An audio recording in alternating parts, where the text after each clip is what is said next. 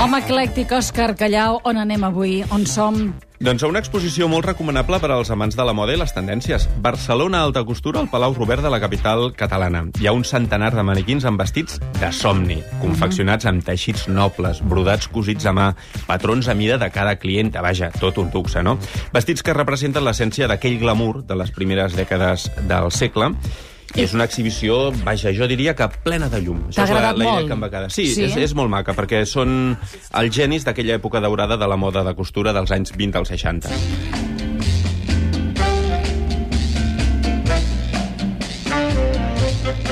Una exposició, per tant, que la pot anar a veure ara tothom, no? El Palau Robert? Exacte, és com sempre el Palau. Robert, Passeig de Gràcia Diagonal, és obert al públic i són visites de franc, i mostren això, vestits de la col·lecció privada del sabadellenc Antoni de Montpalau, firmats per modistes catalans o que van obrir botiga a Barcelona, com Manuel Pertegaz, Carme Mir, Jean Lanvin, Cristóbal Valenciaga, Mhm. el que dèiem glamour, luxe, distinció i exclusivitat.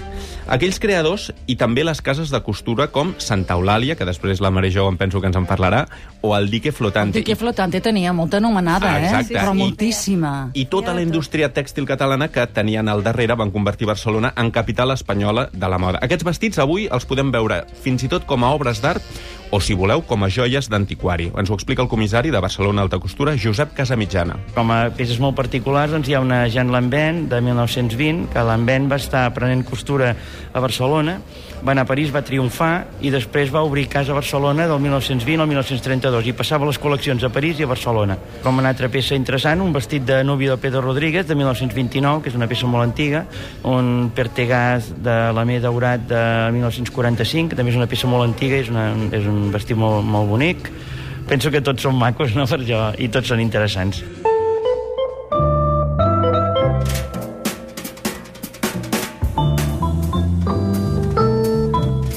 Deixa'm dir que he batejat el senyor Sí. Casa Martina com Casa Mitjana. No, No, Josep Casa Marta- Casa Martina, Casa Martina. comissari Estàvem- de l'exposició. Estàvem sentint aquestes músiques, allò que et, situen, eh? Sí, en un aquest còctel, eh, temps. aquestes hores. Sí, sí, sí, sí, sí.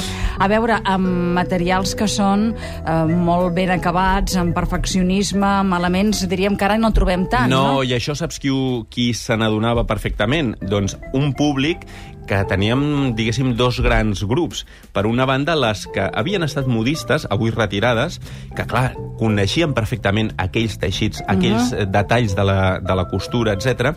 que, per cert, la jornada inaugural, quan vam anar a fer aquest reportatge, era la seva patrona, Santa Llúcia.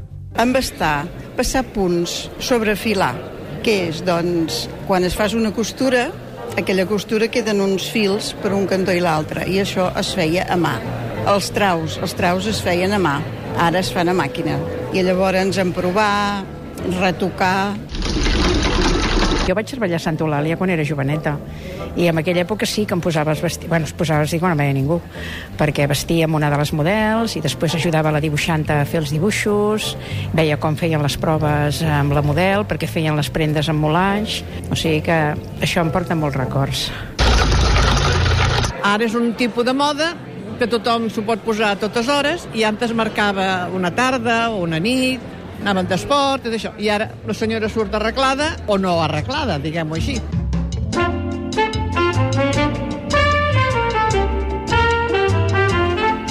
Que consti que hem sentit les veus de cosidores, senyores Sí. grans, però estava ple d'alumnes d'escoles de disseny de moda extasiats amb aquesta costura que, com tu deies, avui no veiem aquests No veiem acabats, d'aquesta aquestes manera, coses a mida, eh? no? Però també vam trobar expressions d'admiració i d'emoció per part de les senyores, les senyores de la burgesia catalana, mm. que havien donat aquestes peces i que van presentar-se guarniríssimes per aquella ocasió. Yo llevé este traje en varias ocasiones en el liceo, naturalmente, cuando se iba al liceo tan elegante. Incluso una boda en Alemania de una gran amiga mía, que fue la princesa Lobenstein. Después también doné uno de mi madre, Pedro Rodríguez, que la había tenido igual la condesa de Romanones. De veure'l amb, una capsa de cartró tants anys guardat, a veure'l aquí tan planxat, tan correcte, i és, és emocionant. I estava molt estripat aquest i veig que l'han restaurat molt bé. Hi ha un de Pertegaz molt maco i veus tu que hi ha la categoria del Pertegaz i l'elegància d'ell, oi? La més maco per mi és una pijama de seda de la Casa Sevilla de l'any 32, que és Art Deco barceloní fantàstic. El meu pare tenia una fàbrica, teníem 800 obrers, fèiem les millors robes de Santa Eulàlia, el dique flotante, totes les fèiem nosaltres a Corbera Espinal.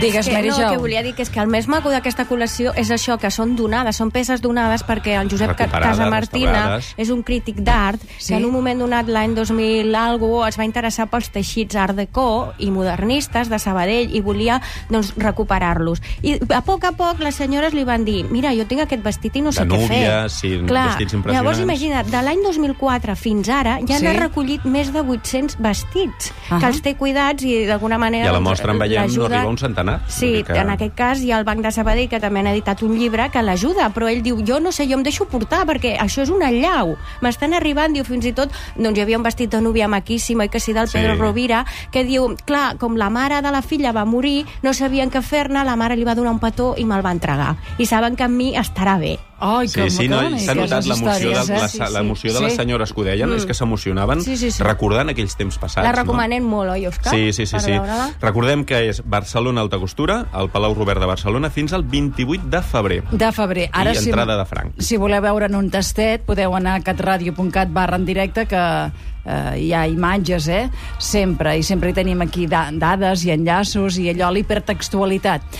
Gràcies, home eclèctic. Molt bé. Fins la setmana vinent. Ens afegies alguna altra cosa? Només una coseta. Ja que hem fet aquesta cosa retro de l'alta costura, només recordar que aquest cap de setmana hi ha una munió de petits mercats de Nadal, de dissenyadors, i jo voldria recomanar o, o recordar tres d'ells.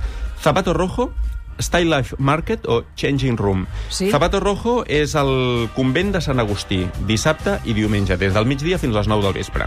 Style Life Market és a l'espai Art and Design del Poble Nou, carrer Almogàvers, també molt interessant. Estem parlant sempre de dissenyadors joves, emergents, amb propostes insòlites, rareses, originals, Mhm. úniques. I la Changing Room, que és aquesta trobada també de dissenyadors que es fa a l'hotel Chic and Basic. Cada dissenyador ocupa una habitació, que, sí, que està molt bé. El carrer Princesa, aquest últim. Molt bé, gràcies, doncs. Ha estat bé. això a Barcelona.